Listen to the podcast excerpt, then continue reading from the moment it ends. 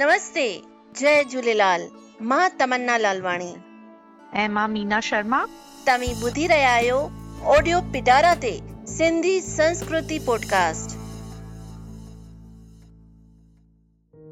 वाहरे तारा गोल तारा रोशन तारा। ट्विंकल ट्विंकल लिटिल स्टार इतने इशारे काफ़ी हैं कि और भी इशारे दें आपको। हमारी ऑडियंस बहुत समझदार है तमन्ना। मुझे लग रहा है समझ गई होगी। समझ तो गई होंगी वो इतने इंतज़ार कर रहे होंगे कि इस बार मीना और तमन्ना क्या एपिसोड में भी सुनाने जा रहे हैं। हम्म। तो हम आपको ये बता दें कि सिंधी संस्कृति जिसके पीछे हमारा एक ही विजन है कि बच्चे सिंधी बोले या ना भी बोले हम्म। उसको समझें और संस्कृति से वाकिफ हों। हम्म। तो इसी वीक दौरान मीना और मैं बच्चों से मिले उनसे बातचीत की और हमें बहुत पॉजिटिव रेस्पॉन्स मिला। मीना आप बताएँ अपने रेस्पॉन्स कैसा रहा? मुझे बहुत मज़ा आया छोटे छोटे बच्चों से बात करके। मैंने देखा कुछ तो बहुत अच्छी सिंधी बोलते हैं और कुछ सिंधी बोलना चाहते हैं और कुछ नॉलेज भी है उन्हें। तो मैंने शुरुआत जो की अपने घर से ही की है। और अरे वाह ये तो बहुत बड़ी अच्छी बात है। लक्ष्यता का रिज़ल्ट आया क्या आया रिज़ल्ट रिज़ल्ट बहुत अच्छा आया। और पता है आपको जो मैं हैरान हो गई रिज़ल्ट देख के जो सब्जेक्ट मैंने आज तक पढ़ा नहीं मुझे आता नहीं मतलब उसमें मार्क्स इसके बहुत अच्छे आए हैं। अरे वाह कौन सा सब्जेक्ट है वो? संस्कृत। संस्कृत वो तो बहुत हार्ड है हाँ अब पूछो लक्ष्यता से कैसे कर लिया उसने। अरे वाह बच्चे तो बच्चे ही हैं उनको जो सिखाओ सीख लेंगे लेकिन अभी तो हमको नहीं आएगी संस्कृत। हमें हाँ। ऑप्शनल मिलता था लेकिन मैंने तब संस्कृत नहीं लिया था। मैंने शायद तब पर्शियन लिया था। अच्छा हमारे स्कूल में तो था ही नहीं हमारा तो सिंधी था। आ, के लक्षिता से पूछती हूँ लक्षिता को कैसे लगता है संस्कृत? Hello aunty. कैसे हो लक्षिता? मैं ठीक हूँ आप कैसे हो? बहुत बढ़िया बधाई हो आपको। आपकी रिज़ल्ट बहुत अच्छी आई। थैंक यू एक बात बताओ संस्कृत तो कभी आसपास कोई बोलता नहीं ना घर में बोली जाती आप इतना अच्छा स्कोर कैसे आ गया? मैं अच्छा स्कोर कर लेती हूँ क्योंकि मुझे उसमें इंटरेस्ट है और वो स्कोरिंग सब्जेक्ट है। ओके इंटरेस्ट और स्कोरिंग सब्जेक्ट तो आपके स्कूल में सिंधी नहीं सिखाई जाती? नहीं। अगर सिंधी सिखाई जाती तो सीखते आप? शायद, क्योंकि मेरी मम्मी भी सिंधी बोलती है एंड वो सिंधी कल्चर को काफ़ी प्रमोट भी करती हैं। वही तो मेरा एक्चुअली पॉइंट वही जा रहा है कि मैंने सोचा हम सिंधी संस्कृति पॉडकास्ट स्टार्ट किया है। सिंधी से रिलेटेड जो भी कल्चर है, हम उस प्लेटफॉर्म पे इसलिए लाना चाहते हैं कि जो बच्चे नहीं समझ पाते तो कोई भी भाषा के ज़रिए, हिंदी, इंग्लिश, उसके ज़रिए एटलीस्ट सिंधी कल्चर को सुने। तो आपको मम्मी को काम करते हुए इंटरेस्ट जागता है कि सिंधी सीखनी चाहिए? मुझे अच्छा लगता है कि मम्मी अपनी जो मातृभाषा में वर्क कर रही है तो मेरा भी कभी कभार इंटरेस्ट आता है। अच्छा एक बात बताओ सिंधी का कौन सा वर्ड आपको बहुत अच्छा लगता है सुनने में? मुझे आज तक कुछ पता नहीं है बट मैंने मम्मी से सीखा है एक लाइन अपना नाम बोलना मुंजो नालो लक्षिता है वाओ ये भी अच्छी बात है मैं जो नालो लक्षिता है लक्षिता का लक्ष्य कब बनेगा कि मैं सिंधी बोलूँगी? मम्मी सिखाएँगी तो बहुत जल्द। वही तो मम्मी तो पक्का सिखाएँगे। और आप अपने फ्रेंड्स के साथ कौन सी लैंग्वेज में बात करते हो? हिंदी और इंग्लिश। अच्छा कोई सिंधी फ्रेंड है आपके? एक है सीनियर अच्छा तो उससे सिंधी में कभी बात की है? नहीं। उसको आती है सिंधी? थोड़ी थोड़ी आती है। मतलब आपस में कभी मिले होंगे तो पूछा होगा आप सिंधी हो? हाँ मैंने पूछा था और मैंने बताया भी था कि मेरी मम्मी सिंधी है। अच्छा ऐसा तो उसने पूछा आपको कि सिंधी बात कर सकते हैं हम दोनों? और नहीं। ओके। लक्षिता आपको क्या रीजन लगता है कि सिंधी लैंग्वेज को बोला नहीं जाता है? आपके दिमाग में आप अपने एक्सपीरियंस से बताओ। क्योंकि कुछ लैंग्वेजेस लोग भूल जाते हैं अपनी संस्कृति को, लोग वेस्टर्न कल्चर को ज़्यादा मानने लग गए हैं। तो लोग अपनी ही भाषा को भूल जाते हैं। जैसे कि मैंने बताया कि मुझे संस्कृत पसंद है और संस्कृत कहीं आसपास बोली नहीं जाती। लोग भूल गए हैं अपना ही कल्चर जी, पर संस्कृत को जैसे कि गवर्नमेंट की तरफ़ से या एज अ सब्जेक्ट ऐड किया गया है। तो हर कोई उस पर प्रेशर आके भी वो पढ़ते हैं ये भी हो सकता है।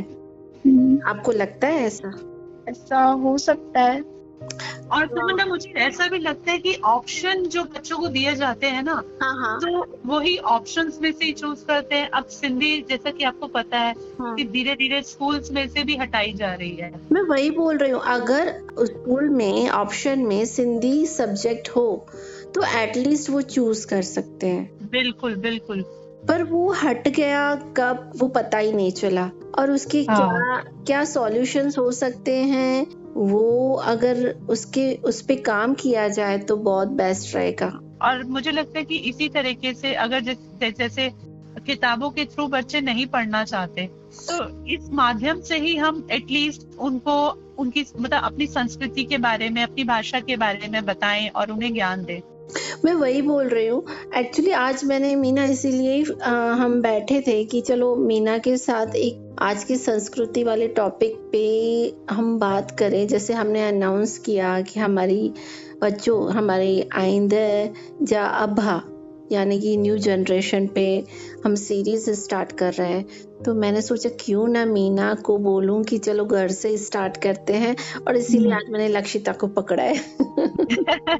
अब आपको पता है लक्षिता के साथ साथ तन्वी जो मेरी छोटी वाली बेटी है उसको भी इंटरेस्ट आ रहा है वो भी बोलती है सिंधी के सेंटेंस ओ वाह वो बोलती है? हाँ मतलब नाम बोलना तो सीख लिया उसने अपना। ये, ये भी एक अचीवमेंट गिनी जाएगी हमारी। बिल्कुल मुझे लगता है कि मैं मैं बात कर रही हूँ मैं काम कर रही हूँ तो मेरे बच्चों को भी इंटरेस्ट आ रहा है।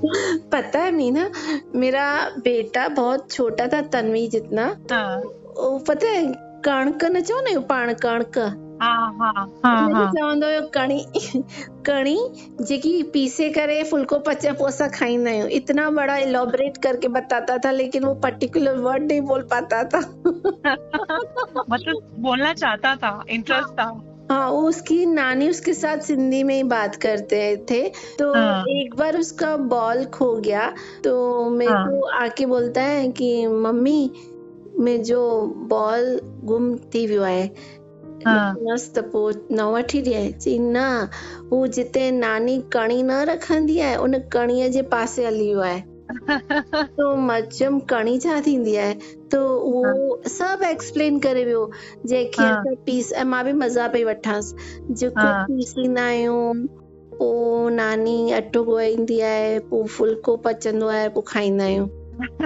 बसि चओ न कणक हा हा हा उहो ई उहो ई प्रोसेस त ॿुधायो. तॾहिं माँ सोचियो अॼु मस्ती थी कयां लक्षिता सां. हा. मौक़ो बि हुयो कि रिज़ल्ट सुठी आई आहे माँ चयमि ॻाल्हाए वठांसि. हा। एतिरो ॻाल्हाए करे बि ख़ुशी महसूस थी कि उनखे सिंधी भाषा जे लाइ प्यार त आहे कि मुंहिंजी मम्मी सिंधी आहे या पाण में ॿार इंटरेक्ट था जॾहिं हिक ॿिए खे कि माँ सिंधी आहियाँ इहो चवण बि ॾाढो प्राउड जी ॻाल्हि आहे। हा। इंटरेस्ट धीरे धीरे पैदा थिए थो। त हाणे ॿारनि खां ई पुछंदा रहंदासीं कि तव्हांखे भाई कहिड़े माध्यम सां कहिड़े तरीक़े सां सिंधी सेखारियो? हा। ऐं किथे अगरि लॻे थो असां वॾनि में किथे कमी आहे त उते सुधारींदासीं। हिन माध्यम सां अगरि असांजा माइट ॿुधंदा हूंदा हा। सोचींदा ऐं पंहिंजे ॿारनि सां एटलीस्ट वेही डिस्कस कंदा कि असांखे पंहिंजी भाषा जे लाइ छा करणु घुरिजे। बिल्कुल। बाय द वे अॼु लक्षिता सां ॻाल्हाए तमामु सुठो लॻो।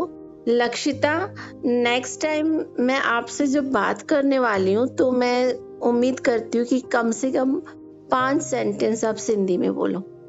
श्योर मैं बिल्कुल ट्राई करूँगी। और जो आपकी सिंधी फ्रेंड है उसके साथ एटलीस्ट जय झूलेलाल बोलोगे आप। जय झूलेलाल। हम आपको ओवरडोज नहीं दे रहे पर इतना स्टार्ट किया है कि हम सिंधी हैं इतना ही बोलो खाली हाँ असी सिंधी आयो हाँ। मेरे पीछे बोलो हाँ। हाँ। असी असी सिंधी सिंधी आयु very good very good very good Lakshita Meena आज हमने लक्षिता को अच्छे से पकड़ के सिंधी के लिए बहुत प्रेशर किया। लगता है लक्षिता नेक्स्ट टाइम पाँच सेंटेंस तैयार करके हमारे आगे आएगी। अरे बिल्कुल आएगी। अच्छा अभी हम जैसे कि स्टार्ट किया है हमारे सिंधी सितारे। लिटिल। स्टार्ट हाँ तो हम ये एपिसोड खत्म करने से पहले हम ये सवाल रखना चाहेंगे कि सिंधी लैंग्वेज अगर as per the new education policy जैसे हम्म। हमारे माननीय प्रधानमंत्री श्री नरेंद्र मोदी जी का भी विजन है कि। अपने मदर टंग में एजुकेशन सिस्टम होना चाहिए हाँ तो उसके लिए हमारे ऑडियंस का क्या राय है?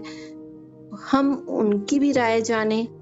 हम्म बिल्कुल उनकी राय जानेंगे तभी हमें लगता है कि हमें काम करने में और आगे सहूलियत रहेगी। सहूलियत भी रहेगी और दूसरा जो इस माध्यम के ज़रिए अगर कहीं सिस्टम तक भी हमारी एक बात पहुँचती है या हमें जैसे कि न्यू जनरेशन है वो अपने पेरेंट्स के साथ बैठ के कंफर्टेबली डिस्कस करें या पेरेंट्स हम्म। सुनते हो वो स्कूल्स में जाएँ कि हमारे सब्जेक्ट को ऑफ़र कीजिए तो शायद हाँ. एक स्टार्ट हो सकता है हमारे लैंग्वेज के लिए कि स्कूल में पढ़ाया जाए। बिल्कुल हो सकता है। हाँ तो बाय द वे अभी हम आज लक्षिता के साथ बहुत अच्छे से एक्सपीरियंस किया और मज़ा आया। आपको मज़ा आया मीना? मुझे भी बहुत मज़ा आया। घर से ही शुरुआत कर ली। तो हाँ नेक्स्ट एपिसोड में भी मिलेंगे ऐसे ही हमारे एक लिटिल स्टार्स के साथ जो सिंधी में बात करते हैं नहीं करते हैं वो अभी नहीं बताएँगे हम आपको हम्म। लेकिन सिंधी के बारे में जानेंगे उनको समझाएँगे और इस सहारे दूसरे बच्चे भी सुने पेरेंट्स भी सुने जहाँ हमें लगे कि हमें अपने बच्चों को सिंधी सिखाना चाहिए ये सवाल उठा तो मतलब हमारा ये पॉडकास्ट का एपिसोड सक्सेस है। बिल्कुल मुझे लगता है उठेगा। तो थिंक पॉजिटिव वो तो उठ चुका है आपके घर से।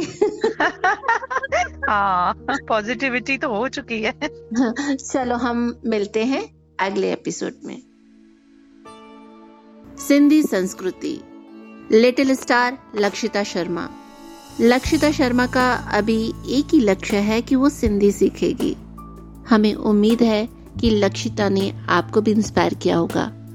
अगर आप सिंधी नहीं भी बोलते, पर सिंधी संस्कृति जाने, यही मकसद है हमारा। तो बने रहिए हमारे पॉडकास्ट सिंधी संस्कृति एवरी थर्सडे सुबह 11 बजे। तो मिलते हैं हमारे अगले नए लिटिल स्टार के साथ। तो स्टे ट्यून बाय जय झूलेलाल ऑडियो पिटारा सुनना ज़रूरी है